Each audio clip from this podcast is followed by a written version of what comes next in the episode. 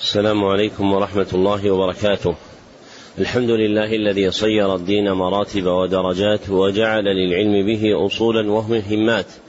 وأشهد أن لا إله إلا الله حقا وأشهد أن محمدا عبده ورسوله صدقا اللهم صل على محمد وعلى آل محمد كما صليت على إبراهيم وعلى آل إبراهيم إنك حميد مجيد اللهم بارك على محمد وعلى آل محمد كما باركت على إبراهيم وعلى آل إبراهيم إنك حميد مجيد أما بعد فحدثني جماعة من الشيوخ بإسناد كل إلى سفيان بن عيينة عن عمرو بن دينار عن أبي قابوس مولى عبد الله بن عمرو عن عبد الله بن عمرو رضي الله عنهما أن النبي صلى الله عليه وسلم قال الراحمون يرحمهم الرحمن تبارك وتعالى ارحموا ارحموا من في الأرض يرحمكم من في السماء. ومن آكد الرحمة رحمة المعلمين بالمتعلمين في تلقينهم أحكام الدين وترقيتهم في منازل اليقين ومن طرائق رحمتهم إيقافهم على مهمات العلم بإقراء أصول المتون وتبيين مقاصدها الكلية ومعانيها الإجمالية يستفحى بذلك المبتدئون تلقيهم ويجد فيه المتوسطون ما يذكرهم ويطلع منه المنتهون إلى تحقيق مسائل العلم. وهذا شرح الكتاب الرابع من برنامج مهمات العلم في سنته الأولى وهو كتاب التوحيد لإمام الدعوة الإصلاحية في جزيرة العرب الشيخ محمد بن عبد الوهاب رحمه الله. وقد انتهى بنا البيان إلى قوله باب قول الله تعالى فلما آتاهما صالحا نعم. الله عليكم بسم الله الرحمن الرحيم. الحمد لله رب العالمين وصلى الله وسلم وبارك على نبينا محمد وعلى آله وصحبه أجمعين. اللهم اغفر لنا ولوالدينا ولشيخنا وللمؤمنين. قال المؤلف رحمه الله تعالى باب قول الله تعالى فلما آتاهما صالحا جعلا له شركاء فيما آتاهما. الآية مقصود الترجمة بيان أن تعبيد الأسماء لغير الله شرك في الطاعة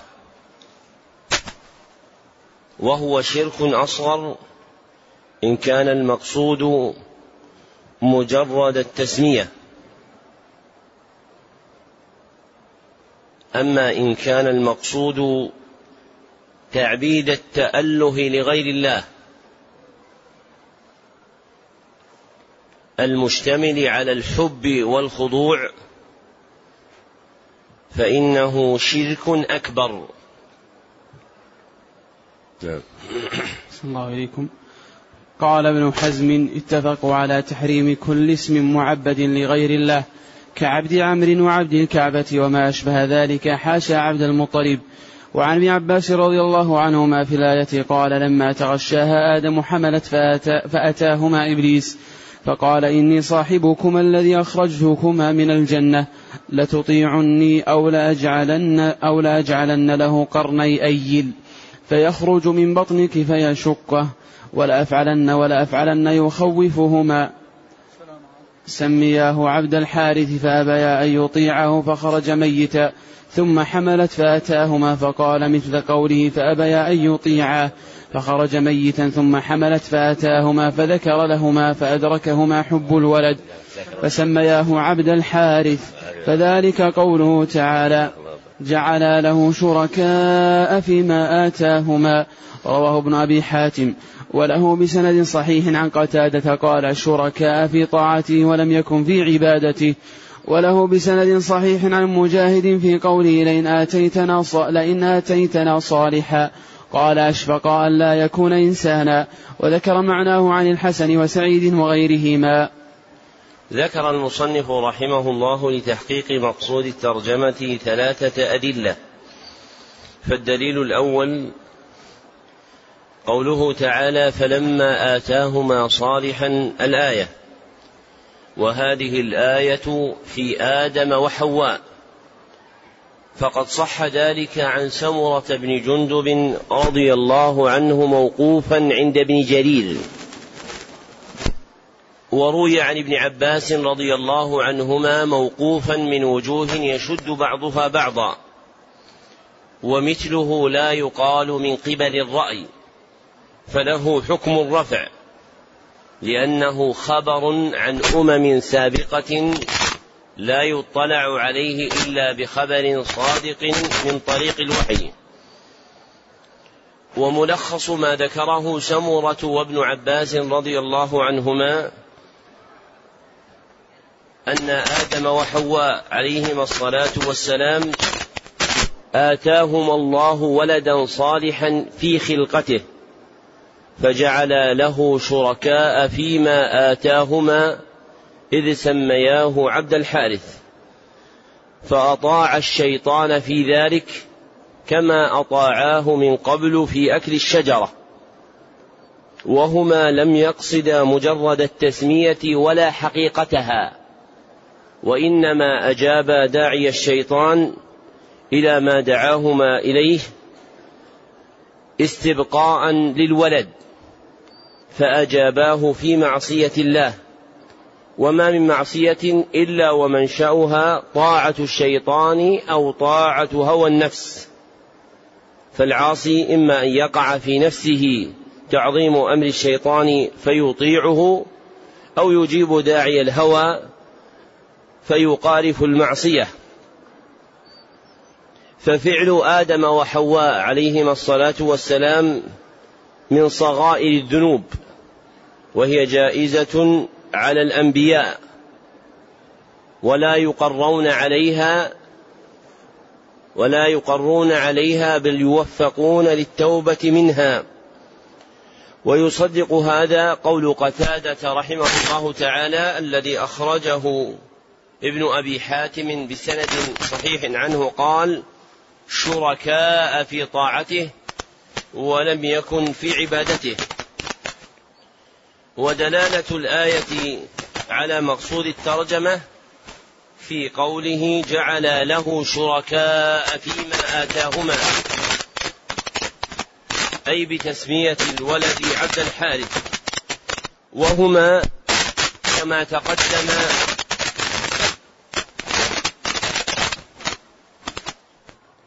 وهما كما تقدم لم يقصد التسمية حقيقة التعبيد ولكن حملهما حب الولد كما في الأثر الذي ذكره المصنف عن مجاهد إذ قال أشفق ألا يكون إنسانا. وذكر معناه عن الحسن البصري وسعيد بن جبير فإن سعيدا إذا أطلق في نقل التفسير فهو ابن جبير. فالواقع منهما إنما هو صورة الشرك. لا حقيقته وصورة الشرك لا يحكم على فاعلها بأنه قد أشرك وإنما يكون قد وقع في فعل محرم. وأنا أضرب لكم مثالا يتبين به دفع إشكال هذه المسألة. ذلك أن التعاليق كما تقدم من الخيوط وغيرها هي من الشرك الأصغر. وذلك إذا تعلقها العبد ناظرا إليها سببا من الأسباب المؤثرة تحت قدر الله عز وجل فيكون فعله شركا أصغرا فإن كانت نيته متوجهة إلى هذا المعلق على إرادة كونه مسببا مستقلا بالتأثير خارجا عن قدر الله فهو شرك أكبر. فإن لم يوجد هذين المعنيين فإن لم يوجد هذان المعنيان فإن فإن ما يكون من التعليق موافق للشرك في صورته لا في حقيقته. فإذا تعلق إنسان خيطا معتقدا أنه مسببا مؤثرا فهذا شرك أكبر.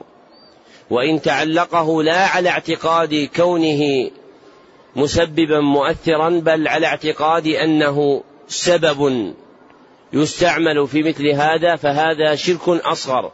فإن علقه لا على إرادة هذا ولا ذاك فإن التحليق حينئذ يكون محرما ولا يكون شركا. لموافقته للشرك في صورته.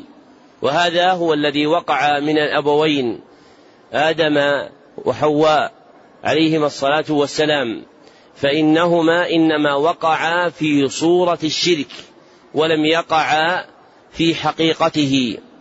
وقد سلف أن تعبيد الأسماء لغير الله عز وجل يكون تارة شركا أصغر وتارة أخرى يكون شركا أكبر فإن لم يلحظ في الاسم ما تقدم من معنى فيهما فإنه يكون صورة للشرك لا حقيقة له وصور الشرك محرمة وليست منه.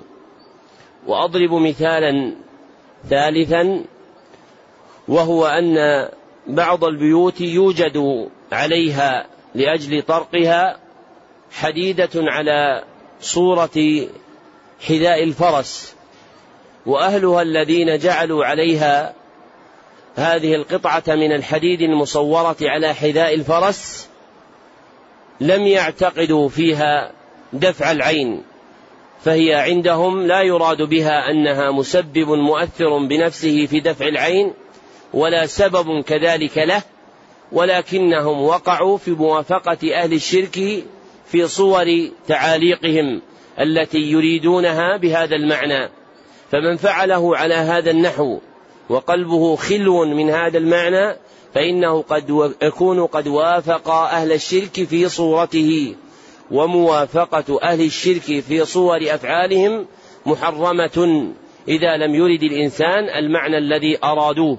وهذا هو الذي وقع منهما فإنهما قصدا استبقاء الولد ولم يقصدا تعبيد الولد للشيطان لا في حقيقة لا في صورة لا في حقيقة الاسم ولا في إرادة التعبيد فلم يتخذاه اسما له ولا قصد أيضا أن يكون عبدا للشيطان فإنهما منزهان عن ذلك كما ذكر أبو عبيد القاسم بن سلام في كتاب الإيمان. وهذه المسألة المشكلة مبنية على تفسير الصحابة رضي الله عنهم فإن الصحابة رضي الله عنهم ثبت عنهم تفسير الآية بآدم وحواء كما قدمت عزو ذلك إلى اثنين منهما هما سمرة بن جندب وعبد الله بن عباس رضي الله عنهما فلا التفات إلى الأقوال التي حدثت بعد قولهما. وقد نقل ابن جرير في تفسيره إجماع الحجة على هذا المعنى إلا أن ابن جرير يريد بالإجماع قول الأكثر.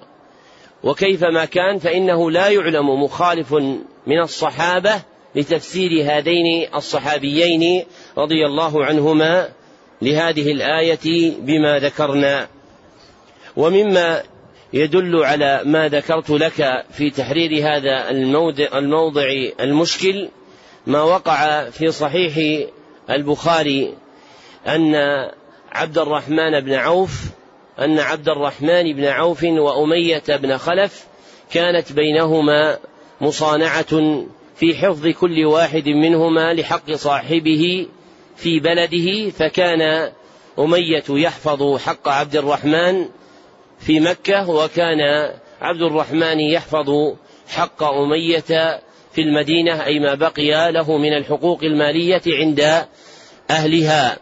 ثم إن عبد الرحمن ثم إن عبد الرحمن بن عوف رضي الله عنه كتب إليه من عبد الرحمن بن عوف. فلما ذكر له الرحمن قال لا أعرف الرحمن فاكتب لي باسمك الذي كان في الجاهلية. فكتب إليه من عبد عمرو بن عوف إلى أمية بن خلف. وقد استروح الحافظ ابن حجر أن هذه المكاتبة لا تخلو من اطلاع النبي صلى الله عليه وسلم عليها. ولو كان هذا شركا لم يقره النبي صلى الله عليه وسلم وإن وإنما كان هذا موافقة لصورته وهو وقوع في محرم حملت عليه الضرورة في استنقاذ ماله الذي بقي في مكة. ثم ذكر الدليل الثاني وهو الإجماع الذي نقله ابن حزم في كتابه مراتب الإجماع فقال اتفقوا على تحريم كل اسم معبد لغير الله إلى آخره.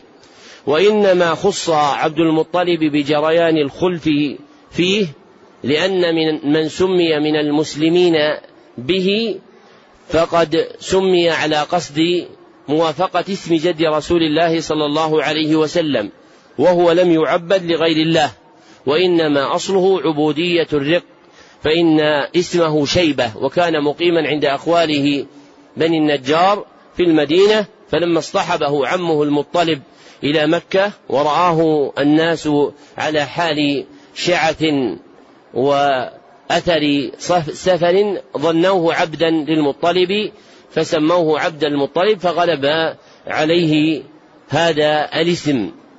ومن هنا جرى الخلاف فيه من بعده لأن التسمية به لا يراد بها حقيقة التعبيد لغير الله عز وجل. وإنما الموافقة في اسم لم ترد فيه حقيقة التعبيد. وإن كان الصحيح القول بتحريم هذا الاسم من بعد وإن كان مسوغه هو الذي ذكر. والدليل الثالث حديث عبد الله بن عباس رضي الله عنهما في تفسير الآية. قال فلما تغشاها آدم حملت. الحديث رواه ابن جرير وابن أبي حاتم في تفسيرهما من وجوه فيها ضعف يشد بعضها بعضا وهو في تفسير الآية المتقدمة وقد سلف بيان معناها فدلالته على مقصود الترجمة هو ما تقدم في تفسيرها. نعم. عليكم. فيه مسائل. الأولى تحريم كل تحريم كل اسم معبد لغير الله. الثانية تفسير الآية. الثالثة أن هذا الشرك في مجرد تسمية لم تقصد حقيقتها. قوله رحمه الله ثالثة أن هذا الشرك في مجرد تسمية لم تقصد حقيقتها هذا في حق غير آدم وحواء. أما هما فلم يقصد التسمية ولا أراد حقيقتها وإنما كان مقصودهما استبقاء الولد. فظن أن طاعة الشيطان فيما دعاهما إليه تبقيه فأجابوه إليه فهو منهما صغيرة. نعم. صلى الله عليكم.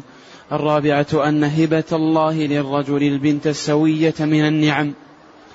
الخامسة ذكر السلف الفرق بين الشرك في الطاعة والشرك في العبادة. باب قول الله تعالى ولله الأسماء الحسنى فادعوه بها وذروا الذين يلحدون في أسمائه. الآية. مقصود الترجمة بيان أن الإلحاد في أسماء الله مما ينافي التوحيد.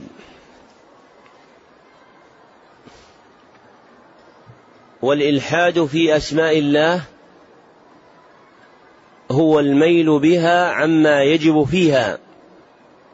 هو الميل بها عما يجب فيها وهو ثلاثة أنواع ذكرها ابن القيم في الصواعق المرسلة. أحدها جحد معانيها. أحدها جحد معانيها. والثاني إنكار المسمى بها. وثالثها التشريك فيها.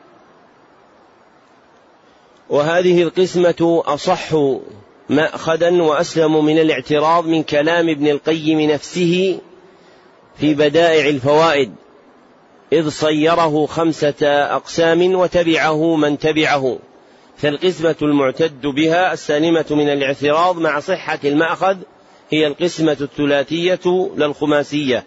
نعم.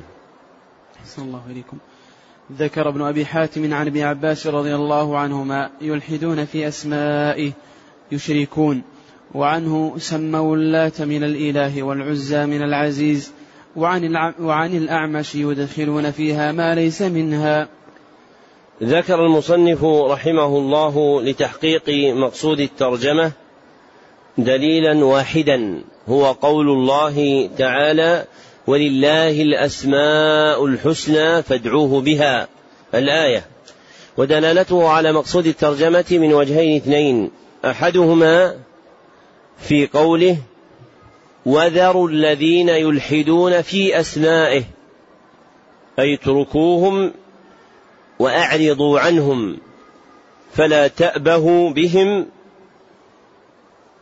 وذلك احتقار لهم. وإنما احتقروا لمقالتهم التي ادعوها. والثاني في تمام الآية سيجزون ما كانوا يعملون فهو وعيد شديد وتهديد أكيد يفصح عن قبح جرمهم. وأورد المصنف رحمه الله ثلاثة آثار في تفسير الآية. أولها أثر ابن عباس يلحدون في أسمائه قال يشركون. رواه ابن أبي حاتم.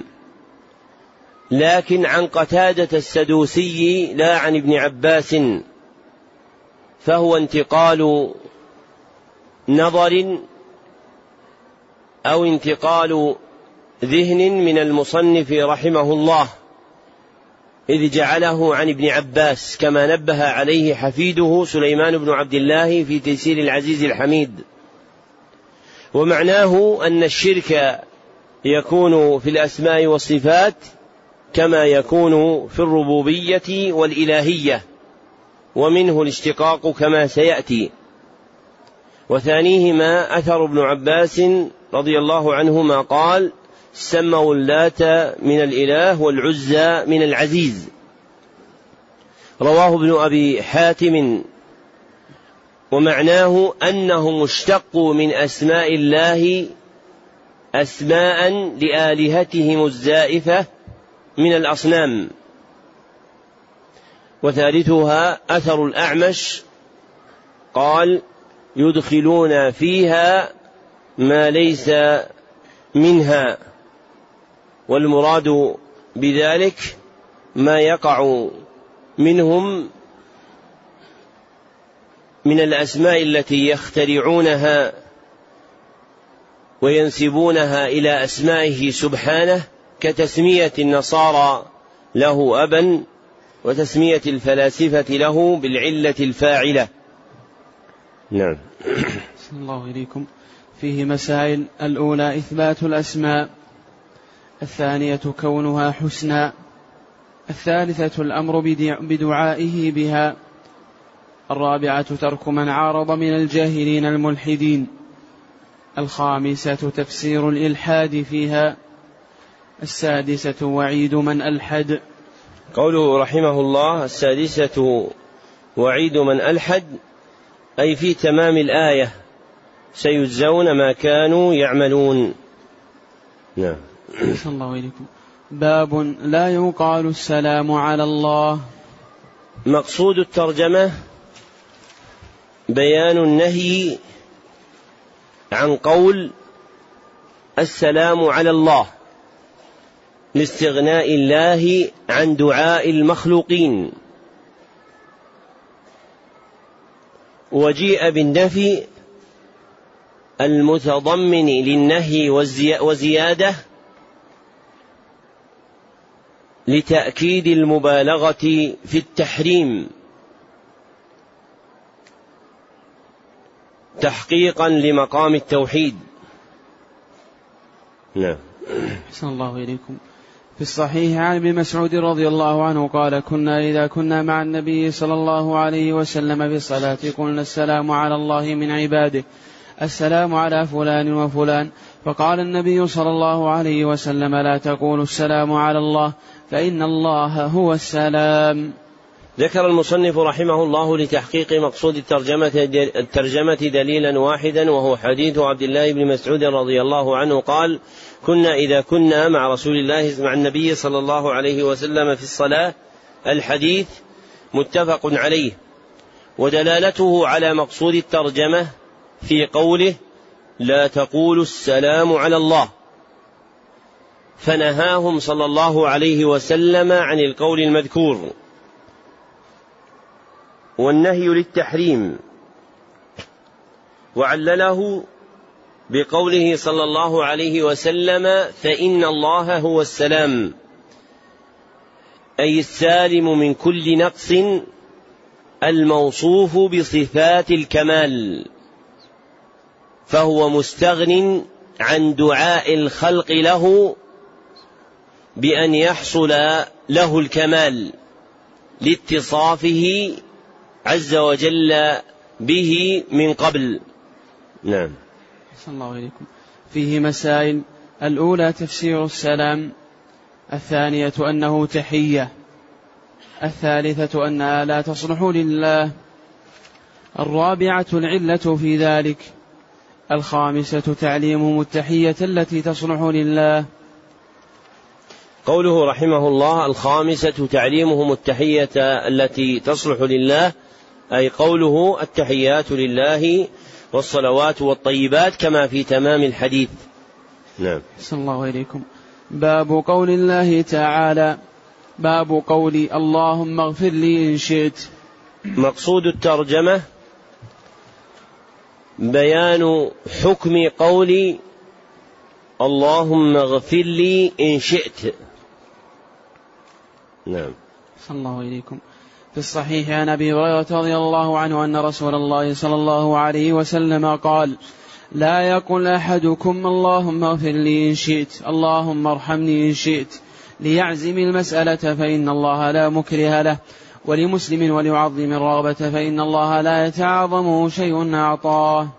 ذكر المصنف رحمه الله لتحقيق مقصود الترجمة دليلا واحدا هو حديث أبي هريرة رضي الله عنه أن رسول الله صلى الله عليه وسلم قال لا يقل أحدكم الحديث متفق عليه ودلالته على مقصود الترجمة في قوله لا يقل أحدكم اللهم اغفر لي إن شئت اللهم ارحمني إن شئت والنهي للتحريم وإنما نهي عنه لما يوهمه من النقص في حق الخالق والمخلوق.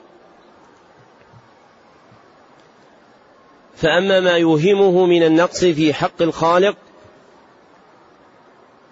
فهو الإيهام بأن ما وقع منه عز وجل من الفعل يجيء على وجه الإكراه له. ولذلك قال النبي صلى الله عليه وسلم فإن الله لا مكره له فهو يفعل ما يشاء ولا موجب لتقييد الداعي دعاءه بقوله إن شئت. وأما ما يوهمه من نقص المخلوق فلما يشعر به دعاؤه من فتور العزيمة وضعف الرغبة. ولذلك قال النبي صلى الله عليه وسلم وليعظم الرغبة فإن الله لا يتعاظمه شيء أعطاه. ويصح في هذا الحرف أن يكون على ضبط وليعظم الرغبة فإنه يجيء بالتشديد والتخفيف معا. فلما اشتمل عليه هذا الدعاء من الإيهام في حق الخالق والمخلوق وما يورثه ذلك من ظن النقص نهي عنه. نعم. الله إليكم فيه مسائل. الأولى النهي عن الاستثناء في الدعاء. الثانية بيان العلة في ذلك. الثالثة قوله ليعزم المسألة. الرابعة إعظام الرغبة. الخامسة التعليل لهذا الأمر. باب لا يقول عبدي وأمتي. مقصود الترجمة بيان النهي عن قول عبدي وأمتي. لما في ذلك من إيهام المشاركة لله في الربوبية والألوهية. فنهي عنه تادبا مع الله وحماية لجناب التوحيد. نعم. أحسن الله إليكم. في الصحيح عن أبي هريرة رضي الله عنه أن رسول الله صلى الله عليه وسلم قال لا يقل أحدكم أطعم ربك وضئ ربك وليقل سيدي ومولاي ولا يقل أحدكم عبدي وأمتي وليقل فتاي وفتاتي وغلامي. ذكر المصنف رحمه الله تعالى لتحقيق مقصود الترجمة دليلا واحدا هو حديث أبي هريرة رضي الله عنه أن رسول الله صلى الله عليه وسلم قال لا يقل أحدكم أطعم ربك. الحديث متفق عليه. ودلالته على مقصود الترجمة في قوله ولا يقل أحدكم عبدي وأمتي. والنهي للتحريم كما وضع له في الشرع. لكن حكي الإجماع أنه للكراهة. وفي دعوى الإجماع نظر. والصحيح أنه قول الجمهور ولا إجماع فيه كما ذكره ابن القيم في زاد المعاد وابن حجر في فتح الباري. وهو الصحيح لقوله تعالى والصالحين من عبادكم أي رقيقكم الذين تملكون. فلما لم يلاحظ معنى العبودية نسبوا إليهم كما في الآية مما يدل على أن النهي للكراهة إلا أن يلاحظ فيه معنى التعبيد فيتعين حينئذ الحمل على التحريم حفظا لجناب التوحيد. ولم يترجم المصنف رحمه الله تعالى على صدر الحديث فلم يقل باب لا يقول أطعم ربك وضئ ربك ولا يقول عبدي وأمتي وإنما اقتصر في الترجمة على آخره دون أوله. مع أنهما مردودان إلى أصل واحد وذلك لقلة استعمال الأول فترجم بالأشهر واقتصر عليه وهو الجملة الثانية. نعم. الله إليكم فيه مسائل. الأولى النهي عن قول عبدي وأمتي. الثانية لا يقول لا يقول العبد ربي ولا يقال له أطعم ربك. قوله رحمه الله الثانية لا يقول العبد ربي ولا يقال له أطعم ربك. والذي في الحديث هو الثاني دون الأول. لكن علة النهي موجودة فيه فنص عليه المصنف رحمه الله تعالى. صلى الله عليكم. الثالثة تعليم الأول قول فتاي وفتاتي وغلامي الرابعة تعليم الثاني قول سيدي ومولاي الخامسة التنبيه للمراد وهو تحقيق التوحيد حتى في الألفاظ. باب لا يرد من سأل بالله. مقصود الترجمة بيان حكم رد من سأل بالله.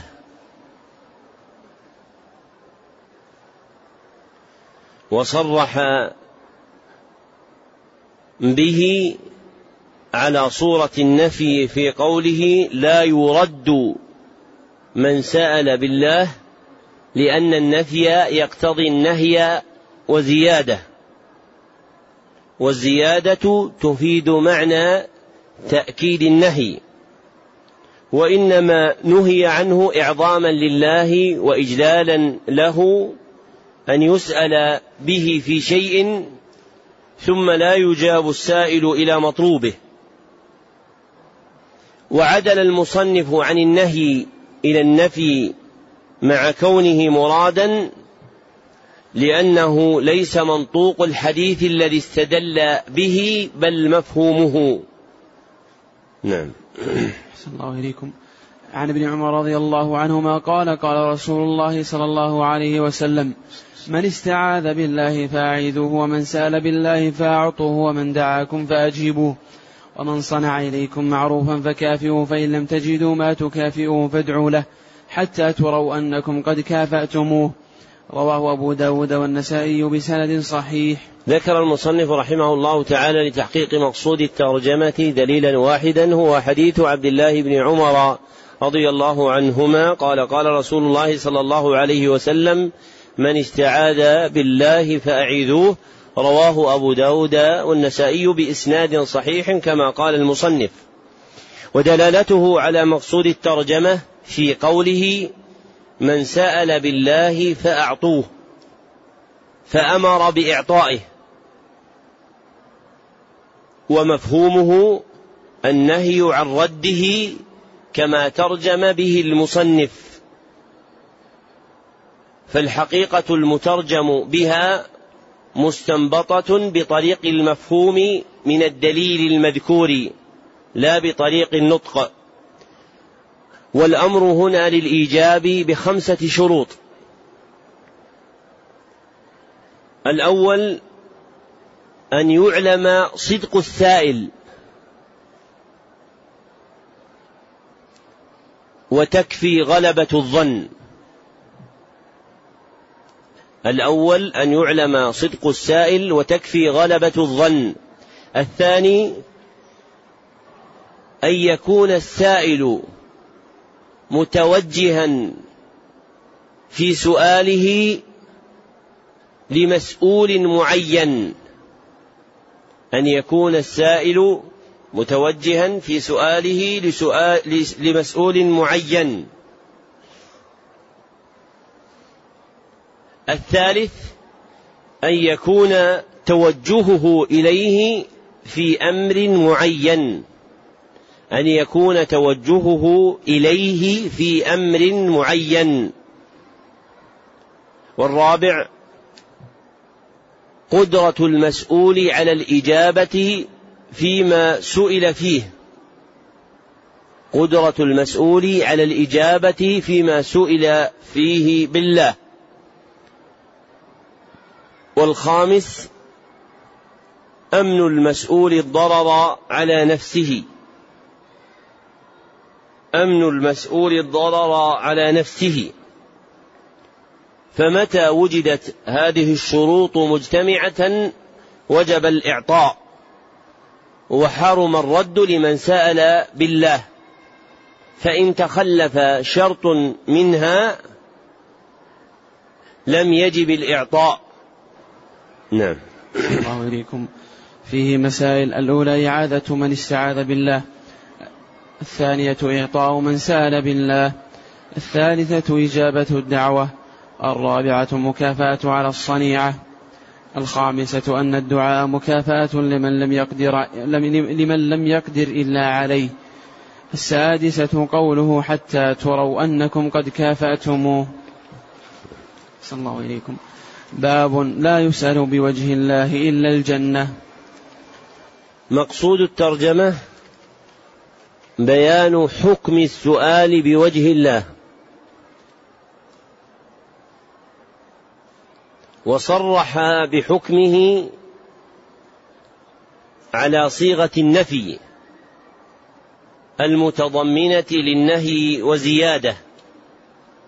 فقال لا يسأل بوجه الله إلا الجنة وإنما نهي عنه اجلالا وإكراما لوجه الله أن يسأل به ما هو حقير من أعراض الدنيا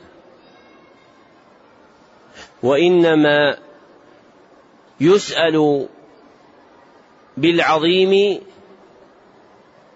غاية المطالب. وهي الجنة وما أوصل إليها من أعمال الآخرة فإنه تابع لها في الحكم. وعدل المصنف رحمه الله عن النهي إلى النفي متابعة للفظ الحديث الوارد. نعم. صلى الله إليكم. عن جابر قال قال رسول الله صلى الله عليه وسلم لا يسأل بوجه الله إلا الجنة رواه أبو داود.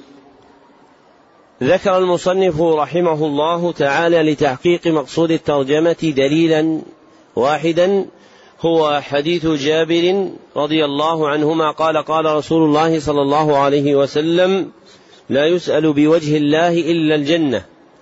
رواه أبو داود وإسناده ضعيف.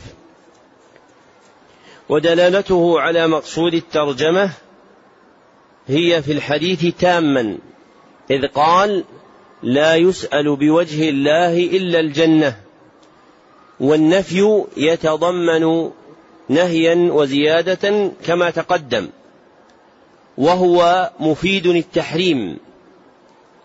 ويشهد له حديث أبي موسى الأشعري رضي الله عنه أن النبي صلى الله عليه وسلم قال ملعون من سأل بوجه الله.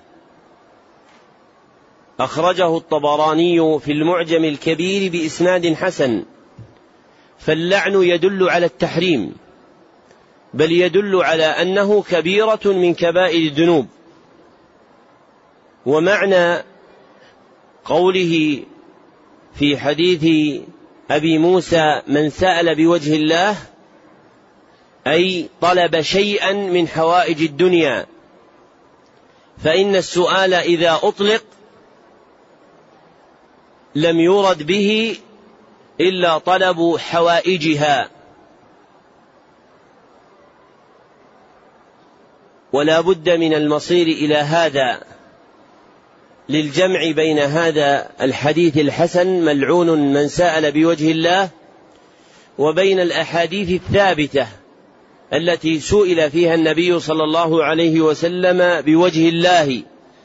فقد سأله أفراد من الصحابة رضي الله عنهم عن أمور دينهم بوجه الله ولم ينكر عليهم النبي صلى الله عليه وسلم كقول معاوية بن حيدة رضي الله عنه إني أسألك بوجه الله بما بعثك الله بما بعثك ربك إلينا رواه النسائي بإسناد حسن. وبوب عليه النسائي رحمه الله من سأل بوجه الله. والأمور الدينية هي الأسباب الموصلة إلى الجنة. فإذا أذن في السؤال بوجه الله في الوسيلة المفضية إلى الجنة اقتضى ذلك الإذن في سؤال الله عز وجل به المقصد المراد وهو الجنة. وبهذا يندفع الإشكال المتوهم في مخالفة الأحاديث بعضها بعضا بل يكون قوله صلى الله عليه وسلم ملعون من سأل بوجه الله أي شيئا من حوائج الدنيا لأن اسم السؤال يقع عليها. وأما إن كان السؤال بوجه الله للأسباب المفضية إلى الجنة أو للجنة فذلك جائز للأحاديث المذكورة ومنها حديث معاوية رضي الله عنه. وبه تعلم أن ما يعرض في ذكر بعض المرويات الضعاف في كتب الاعتقاد عند أهل السنة كالعقيدة الواسطية أو كتاب التوحيد لإمام الدعوة أو كتاب التوحيد لأبي بكر بن خزيمة أو كتاب الإبانة لابن بطة أو كتاب أصول السنة للالكائي فاعلم أن إدخاله فيها لا على وجه الاعتماد المستقل وإنما على وجه الاعتضاد التابع ولم تزل هذه طريقة أهل السنة فإدخال الضعاف من المرويات في مسائل الاعتقاد تابعة للأصول الصحاح طريقة سنية سنية مسلوكة وإنما يعاب ذلك إذا تضمن المروي عقيدة مستقلة مع ضعفه لم تأتي الأحاديث الصحاح بها فذلك هو وجه العيب. وأما إن خلا من ذلك فلا بأس به فإن باب الاعتضاد واسع وأهل السنة على إعماله. ومن ظن أنهم لا يصنعون هذا فقد أتي من جهله. فإنه لو طالع كتب أهل السنة القدماء كأبي بكر بن خزيمة لوجد أن أبا بكر رحمه الله تعالى يبين ضعف شيء من هذه المرويات التي يذكرها في كتاب التوحيد. فمن المحال أن يكون عالما بضعفها ثم يدخلها في كتب الاعتقاد وهو إنما صنف لنصرة الاعتقاد السني. لكن بابتها عندهم هي ما ذكرت لك من أنهم يدخلون الضعاف في أبواب الاعتقاد تابعة لما دلت عليه المرويات الصحاح. ومن جملتها هذا الكتاب فإن ما ورد فيه من أحاديث ضعاف ترجع إلى أصل وثيق صحيح عن النبي صلى الله عليه وسلم. فهذا الباب مثلا الذي توهم من توهم أنه مبني على حديث ضعيف هو حديث جابر رضي الله عنه لا يسأل بوجه الله إلا الجنة فقد أتي من جهله بالسنة فإن الباب فيه حديث حسن هو حديث أبي موسى الأشعري رحمه الله رضي الله عنه ملعون من سأل بوجه الله إلا أنه لما كان في أصل بعيد وهو الطبراني تركه أهل العلم وجاءوا بحديث مشهور مختلف في صحته وهو حديث جابر لأنه مروي عند سنن أبي داود. وهذا فيه إيضاح أنه لا ينبغي لطالب العلم أن يكون هجاما على تصرفات العلماء فإن بلوغ الشادي للعلم درك طرائقهم والوقوف على مناهجهم يحتاج إلى عمر مديد وذكاء وفطنة. فإذا أشكل عليه شيء من تصرفهم فليلزم السلامة فإنهم عن علم كامل تكلموا وببصر نافذ تصرفوا. فإذا كنت خلوا من ذلك فإياك أن تناطح تلك الجبال. ولا ولا سيما إذا كان هذا صنيعة سني فإنه قبيح بالمنتسب إلى السنة والحديث والأثر أن يكون عائبا لكتب أهل السنة في الاعتقاد بهذه الوصمة التي ظنها عيبا وهي في الحقيقة مبنية على جادتهم فإنهم يتوسعون في باب الاعتضاد حتى يذكرون حتى يذكروا الحكايات عن البهائم العجماوات. كما ذكر من صنف في العلو كابن قدامة والذهبي وابن القيم من حكايات الحيوانات فهم لم يوردوها على وجه الاعتماد عليها في إثبات عقيدة مستقلة ولكنهم جعلوها تابعة للأدلة الصحيحة. والفقهاء رحمهم الله تعالى يقولون التابع تابع أن يثبت للشيء تبعا ما لا يثبت له مستقلا وهذا من جنس هذه القاعدة. نعم. أحسن الله إليكم. فيه مسائل. الأولى النهي عن النهي عن أن يسأل بوجه الله إلا غاية المطالب. الثانية إثبات صفة الوجه. أحسن الله إليكم. نعم. باب ما جاء في اللو. مقصود الترجمة بيان حكم قول لو. الداخلة على جملة. وأداة التعريف ال فيها لا تفيد تعريفا. لأن المراد هنا هو اللفظ. أي باب ما جاء في هذا اللفظ لو.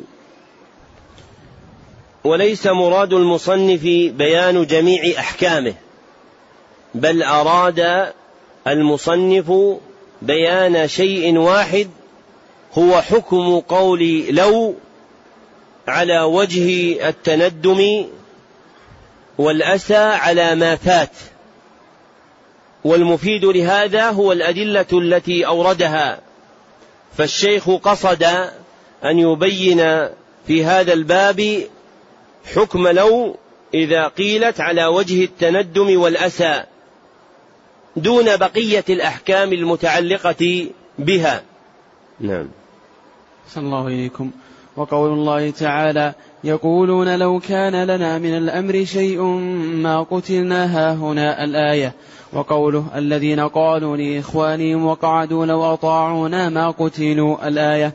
في الصحيح عن أبي هريرة رضي الله عنه أن رسول الله صلى الله عليه وسلم قال احرص على ما ينفعك واستعن بالله ولا تعجزن وإن أصابك شيء فلا تقل لو أني فعلت كذا لكان كذا وكذا ولكن قل قدر الله وما شاء فعل فإن لو تفتح عمل الشيطان ذكر المصنف رحمه الله تعالى لتحقيق مقصود الترجمة ثلاثة أدلة.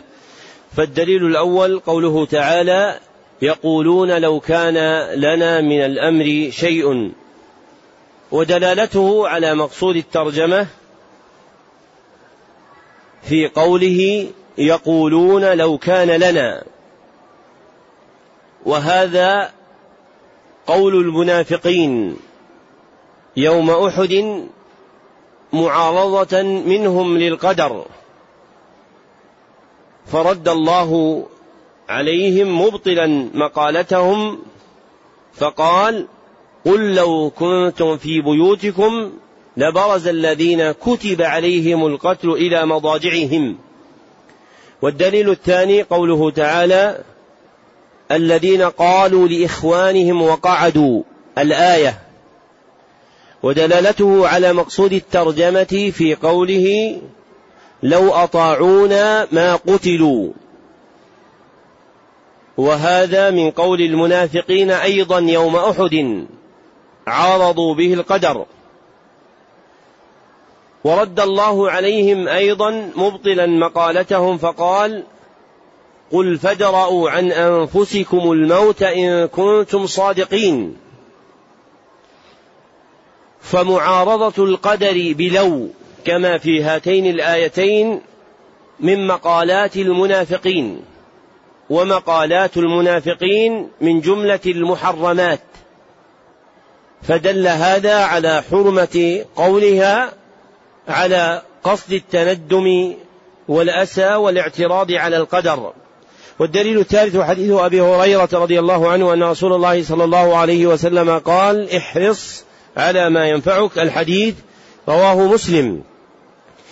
ودلالته على مقصود الترجمة في قوله وإن أصابك شيء فلا تقل لو أني فعلت كذا لكان كذا وكذا. والنهي للتحريم لما في قولها من الإشعار بعدم الصبر والأسى على ما فات وملامة القدر والاعتراض عليه. فينفتح بذلك باب الشيطان من التسخط والجزع وعدم التسليم لأقدار الله. وقول لو على وجه التندم والأسى على ما فات يجيء على ثلاثة أنواع. وقول لو على وجه التندم والأسى على ما فات يجيء على ثلاثة أنواع. أولها أن يقولها متندما معارضا لحكم الشرع. أن يقولها متندما معارضا لحكم الشرع.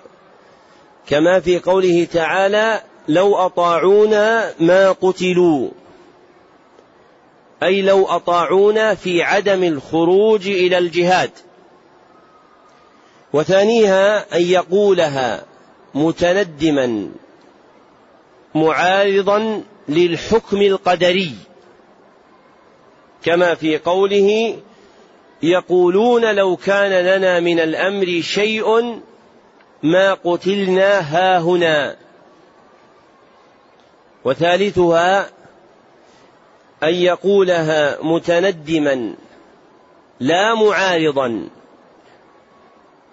للحكم الشرعي ولا القدري وإنما يقولها تسخطا وجزعا. وهذه الأنواع كلها محرمة تنافي كمال التوحيد الواجب. نعم. صلى الله إليكم فيه مسائل. هذه أنواع قول لو متى؟ الأسى على وجه الأسى والتندم الذي ترجم لأجله المصنف. فإن المصنف لم يقصد فروعا أخرى للو يذكرها أهل العلم. فمن بسطها من الشراح على إرادة أن المصنف قصدها فإنه لم يقصد هذا. ومن ذكرها على إرادة استيفاء الباب فهذا سائغ. لكن مناط تعلق الباب بالتوحيد وإذا كان قولها على وجه الأسى والتندم. نعم. الله إليكم. فيه مسائل.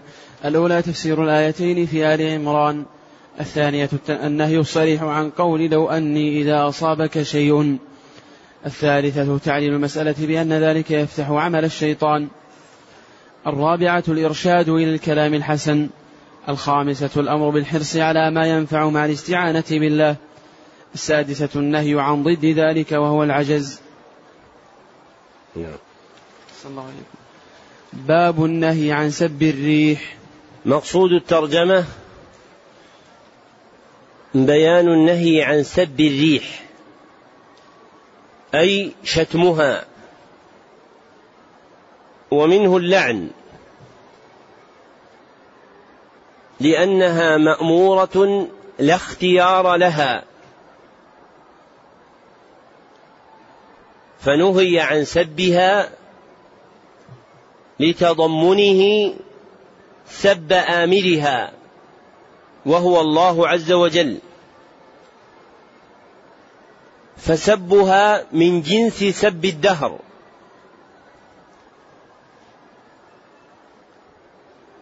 لأن الريح فرد من أفراد تقلباته. والنهي للتحريم لما في ذلك من تنقص الله وعدم إجلاله والتسخط من قضائه. نعم. صلى الله عليكم. عن أبي بن كعب رضي الله عنه أن رسول الله صلى الله عليه وسلم قال لا تسبوا الريح فإذا رأيتم ما تكرهون فقولوا اللهم إنا نسألك من خير هذه الريح وخير ما فيها وخير ما أمرت به ونعوذ بك من شر هذه الريح وشر ما فيها وشر ما أمرت به. صححه الترمذي. ذكر المصنف رحمه الله تعالى لتحقيق مقصود الترجمة دليلا واحدا هو حديث أبي بن كعب رضي الله عنه أن رسول الله صلى الله عليه وسلم قال لا تسبوا الريح. رواه الترمذي والنسائي واختلف في رفعه ووقفه والصواب أنه موقوف من قول أبي بن كعب. لكن في الباب شاهد مرفوع من حديث أبي هريرة رواه أبو داود وابن ماجه بسند صحيح. ودلالته على مقصود الترجمة في قوله لا تسبوا الريح فالنهي للتحريم. نعم. الله إليكم فيه مسائل. الأولى النهي عن سب الريح. الثانية الإرشاد إلى الكلام النافع إذا رأى الإنسان ما يكره. الثالثة الإرشاد إلى أنها مأمورة. الرابعة أنها قد تؤمر بخير وقد تؤمر بشر. باب قول الله تعالى يظنون بالله غير الحق ظن الجاهلية. يقولون هل لنا من الأمر من شيء؟ قل إن الأمر كله لله. الآية مقصود الترجمة بيان حكم ظن الجاهلية. وأجمع ما قيل في معناه قول ابن القيم رحمه الله في زاد المعاد الذي ذكره المصنف هنا إذ قال وهو ظن غير ما يليق بالله. وهو ظن غير ما يليق بالله. انتهى كلامه. فظن الجاهلية هو ظن العبد بربه ما لا يليق به. فظن الجاهلية هو ظن العبد بربه ما لا يليق به. وتقدم أن الجاهلية اسم لحال العرب قبل الإسلام وكل ما أضيف إليها فهو محرم. وهذا الظن ينافي أصل التوحيد أو كماله فهو نوعان اثنان. أحدهما ظن العبد بربه ما لا يليق مما يخرج به من الملة. ظن العبد بربه ما لا يليق مما يخرج به العبد من الملة. كمن يظن أن لله ولدا فهذا كفر أكبر. والآخر ظن العبد بربه ما لا يليق مما لا يخرج به العبد من الملة. كمن يظن أن الله يؤخر نصره عن أوليائه مع استحقاقهم له. وهذا كفر أصغر. نعم. صلى الله إليكم وقوله الظانين بالله ظن السوء عليهم دائرة السوء. الآية قال ابن القيم رحمه الله تعالى في الآية الأولى فسر هذا الظن بأنه سبحانه لا ينصر رسوله وأن أمره سيضمحل. وفسر بأن ما أصابه لم يكن بقدر الله وحكمته ففسر, ففسر بإنكار الحكمة وإنكار القدر. وإنكار أن يتم أمر الله أن يتم أمر الله ورسوله وأن يظهره على الدين كله. وهذا هو ظن السوء الذي ظن المنافقون والمشركون في سورة الفتح وإنما كان هذا ظن السوء لأنه ظن غير ما يليق ما يليق به سبحانه. وما يليق بحكمته وحمده ووعده الصادق. فمن ظن أنه يديل الباطل على الحق إدالة مستقرة يضمحل مع الحق أو أنكر أن يكون ما جرى بقضائه وقدره أو أنكر أن يكون قدره لحكمة بالغة. يستحق عليه الحمد بل زعم أن ذلك لمشيئة مجردة. فذلك ظن الذين كفروا فويل للذين كفروا من النار. وأكثر الناس يظنون بالله ظن السوء فيما يختص بهم وفيما يفعله بغيرهم ولا يسلم من ذلك إلا من عرف الله وأسماءه وصفاته وموجب حكمته وحمده. فليعتني اللبيب الناصح لنفسه بهذا وليتب إلى الله ويستغفره من ظنه بربه ظن السوء. ولو فتشت من فتشت لرأيت عنده تعنتا على القدر وملامة له. وأنه كان ينبغي أن يكون كذا وكذا. فمستقل ومستكثر وفتش نفسك هل أنت سالم؟ فإن تنج منها تنج من ذي عظيمة وإلا فإني لا إخالك ناجيا. ذكر المصنف رحمه الله تعالى لتحقيق مقصود الترجمة دليلين اثنين. فالدليل الأول قوله تعالى يظنون بالله غير الحق الآية. ودلالته على مقصود الترجمة في قوله يظنون بالله غير الحق ظن الجاهلية. وذلك من ثلاثة وجوه. أحدها أن هذا الظن غير الحق فهو باطل. وثانيها أنه ظن الجاهلية. وكل مضاف إليها فهو حرام. وثالثها أن هذا ظن المنافقين. وكل قول أو فعل كان شعارا للمنافقين فهو من المحرمات.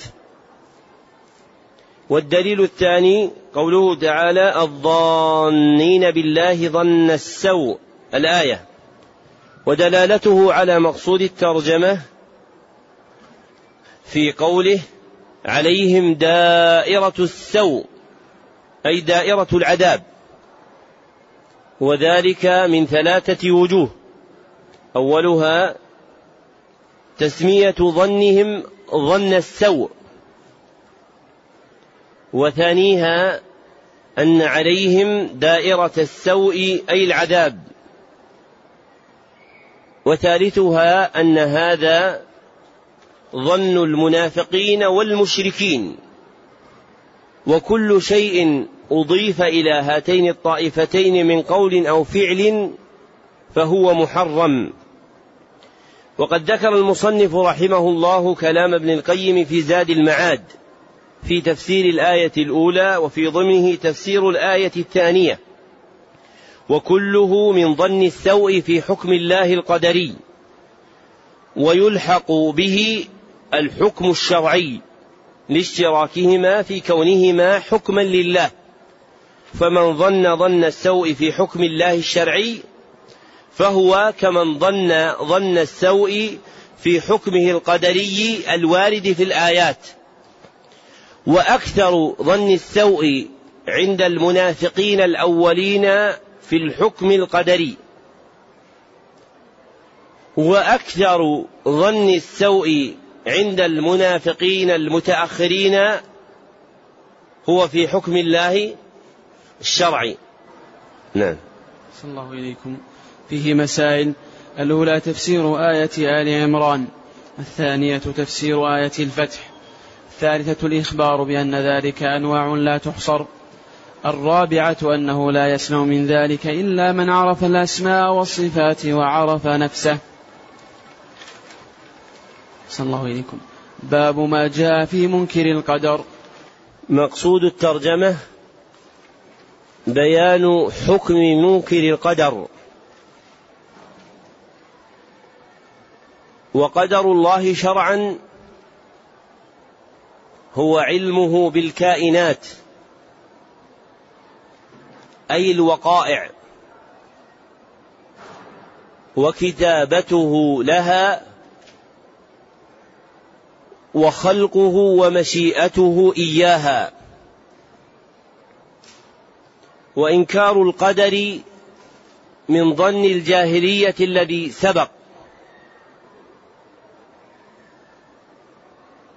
وال في قوله في الترجمة القدر للاستغراق أي القدر كله فهو مراد الترجمة.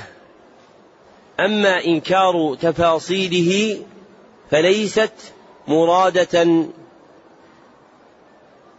بها. نعم. صلى الله إليكم. قال ابن عمر وقال ابن عمر رضي وقال ابن عمر رضي الله عنه والذي نفس ابن والذي نفس ابن عمر بيده لو كان لأحدهم مثل مثل أحد ذهبا ثم أنفقه في سبيل الله ما قبله الله منه حتى يؤمن بالقدر ثم استدل بقول النبي صلى الله عليه وسلم الإيمان أن تؤمن بالله وملائكته وكتبه ورسله واليوم الآخر وتؤمن بالقدر خيره وشره. رواه مسلم. وعن عبادة بن الصامت رضي الله عنه أنه قال لابنه يا بني إنك لن تجد طعم الإيمان حتى تعلم أن ما أصابك لم يكن ليخطئك وما أخطأك لم يكن, لم يكن ليصيبك. سمعت, سمعت رسول الله صلى الله عليه وسلم يقول إن أول ما خلق الله القلم فقال له اكتب فقال ربي وماذا أكتب؟ قال اكتب مقادير كل شيء حتى تقوم الساعة. يا بني سمعت رسول الله صلى الله عليه وسلم يقول من مات على غير هذا فليس مني. وفي رواية لأحمد إن أول ما خلق الله تعالى القلم. فقال له اكتب. فجرى في تلك الساعة بما هو كائن إلى يوم القيامة. وفي رواية لابن وهب قال رسول الله صلى الله عليه وسلم فمن لم يؤمن بالقدر خيره وشره أحرقه الله بالنار. وفي المسند والسنن عن ابن الديلمي قال أتيت أبي بن كعب فقلت في نفسي شيء من القدر فحدثني بشيء لعل الله يذهبه من قلبي.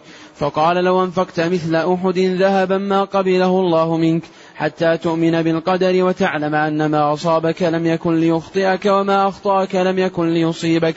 ولو مت على غير هذا لكنت من أهل النار.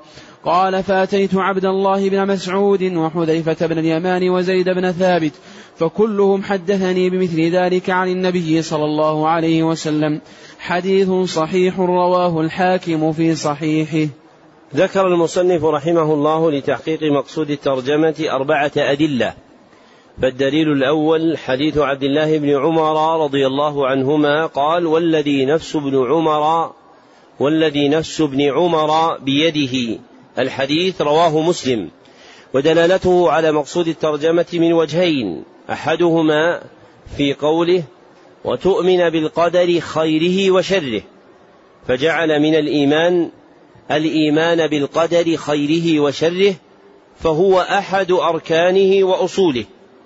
ومن أنكر ركنا من أركان الإيمان كفر فمن أنكر القدر كفر.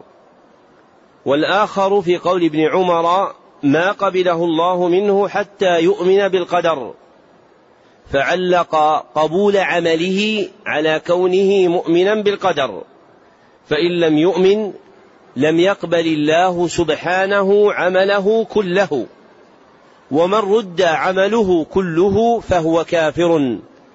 فدل هذا على أن إنكار القدر كفر لكونه موجبا لرد العمل كله.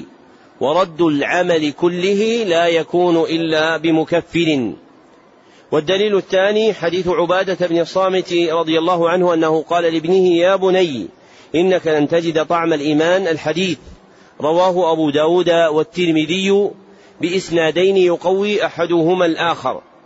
أما رواية أحمد في مسنده وهي إن أول ما خلق الله القلم الحديث بهذا التمام فإسنادها ضعيف. وكذلك رواية ابن وهب التي ذكرها المصنف وهي في كتاب القدر له إسنادها ضعيف أيضا. ودلالة هذا الحديث على مقصود الترجمة من ثلاثة وجوه. أحدها في قوله من مات على غير هذا فليس مني أي فأنا بريء منه وهو بريء مني وإنما يبرأ صلى الله عليه وسلم من الكبائر. فدل هذا على كون إنكار القدر كبيرة من كبائر الذنوب. وثانيها في قوله في الرواية الأخرى أحرقه الله بالنار. فإن الإحراق بالنار إنما يكون جزاء على ترك الواجبات وفعل المحرمات. والإيمان بالقدر واجب وإنكاره محرم ورتبته الكفر على ما تقدم. وثالثها في قوله إنك لن تجد طعم الإيمان حتى تعلم أن ما أصابك لم يكن ليخطئك وما أخطأك لم يكن ليصيبك. فوجدان طعم الإيمان متعلق بالإيمان بالقدر. والدليل الثالث حديث عبادة بن الصامت رضي الله عنه الذي عند ابن وهب. فإنه أصل مستقل. وحديث برأسه ودلالته هي على ما تقدم في الوعيد بإحراق الله له بالنار. والوعيد بالإحراق بالنار لا يكون إلا على كبيرة. فعذاب الحريق في القرآن جزاء الكافرين. ففيه إشارة إلى كفر منكر القدر. والدليل الرابع حديث ابن الديلمي قال أتيت أبي بن كعب رضي الله عنه فقلت في نفسي شيء من القدر. الحديث أخرجه أبو داود وابن ماجه والعزو إليهما أولى من العزو للحاكم. وإسناده حسن ودلالته على مقصود الترجمة في قوله لو مت على غير هذا لكنت من أهل النار. فمن أنكر القدر فهو من أهل النار الذين هم أهلها. وهم الكفرة. فمنكر القدر كافر. نعم. أحسن الله إليكم. فيه مسائل. الأولى بيان فرض الإيمان بالقدر. الثانية بيان كيفية الإيمان. الثالثة قوله رحمه الله الثانية بيان كيفية الإيمان. أي بأن تعلم بأن ما أصابك لم يكن ليخطئك وما أخطأك لم يكن ليصيبك.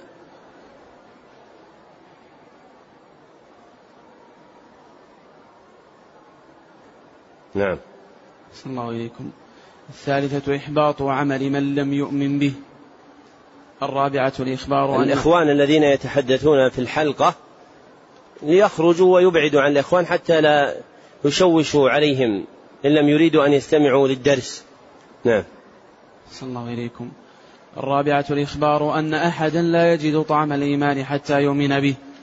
الخامسة ذكر أول ما خلق الله. السادسة أنه جرى بالمقادير في تلك الساعة إلى قيام الساعة. السابعة براءته صلى الله عليه وسلم ممن لم يؤمن به. الثامنة عادة السلف في إزالة الشبهة بسؤال العلماء. التاسعة أن العلماء أجابوه بما يزيل عنه الشبهة وذلك أنهم نسبوا الكلام إلى رسول الله صلى الله عليه وسلم فقط. نعم. صلى الله إليكم باب ما جاء في المصورين. مقصود الترجمة بيان حكم المصورين وليس المراد ذواتهم بل فعلهم وهو التصوير لأنه من الوسائل المفضية إلى الشرك. وإنما لاحظ المصنف الفاعل فترجم به فقال ما جاء في المصورين دون الفعل فلم يقل ما جاء في التصوير اتباعا للأحاديث الواردة فإن الأحاديث جاءت معلقة بالمصورين. نعم. أحسن الله إليكم. عن أبي هريرة رضي الله عنه قال قال رسول الله صلى الله عليه وسلم قال الله تعالى ومن أظلم ممن ذهب يخلق كخلقي فليخلقوا ذرة أو ليخلقوا حبة أو ليخلقوا شعيرة. أخرجاه ولهما عن عائشة رضي الله عنها أن رسول الله صلى الله عليه وسلم قال أشد الناس عذابا يوم القيامة الذين يضاهئون بخلق الله. ولهما عن ابن عباس رضي الله عنهما قال سمعت رسول الله صلى الله عليه وسلم يقول كل مصور في النار يجعل له بكل صورة بكل صورة صورها نفس يعذب بها في جهنم. ولهما رضي الله عنهما ورضي الله ولهما عنه مرفوعا. من صور صورة في الدنيا كلف أن ينفخ فيها الروح وليس بنافخ. ولمسلم عن أبي الهياج قال قال لي علي رضي الله عنه ألا أبعثك على ما بعثني عليه رسول الله صلى الله عليه وسلم؟ ألا تدع صورة إلا طمستها ولا قبرا مشرفا إلا سويته. ذكر المصنف رحمه الله تعالى لتحقيق مقصود الترجمة خمسة أدلة. فالدليل الأول حديث أبي هريرة رضي الله عنه قال قال رسول الله صلى الله عليه وسلم قال الله تعالى ومن أظلم ممن ذهب يخلق كخلقي الحديث. ودلالته على مقصود الترجمة من وجهين. أحدهما في قوله ومن أظلم ممن ذهب يخلق كخلقي أي لا أحد أظلم. فإن هذا التركيب موضوع لهذا المعنى في خطاب الشرع في القرآن والسنة. وإنما يوصف بالظلم على ترك واجب أو فعل محرم. وهو هنا على فعل محرم لما سيأتي من الأحاديث المصرحة بالتحريم. وقد يكون كفرا وقد يكون وقد لا يكون كذلك كما سيأتي. والآخر في قوله فليخلقوا ذرة أو ليخلقوا حبة أو ليخلقوا شعيرة تبكيتا لهم وإظهارا لعجزهم وهو دال على ذمهم والذم لا يكون إلا في ترك واجب أو فعل محرم وهو هنا متعلق بفعل المحرم لما سيأتي. والدليل الثاني حديث عائشة رضي الله عنها أن رسول الله صلى الله عليه وسلم قال أشد الناس عذابا يوم القيامة الحديث رواه أحمد. ودلالته على مقصود الترجمة في قوله صلى الله عليه وسلم أشد الناس عذابا يوم القيامة.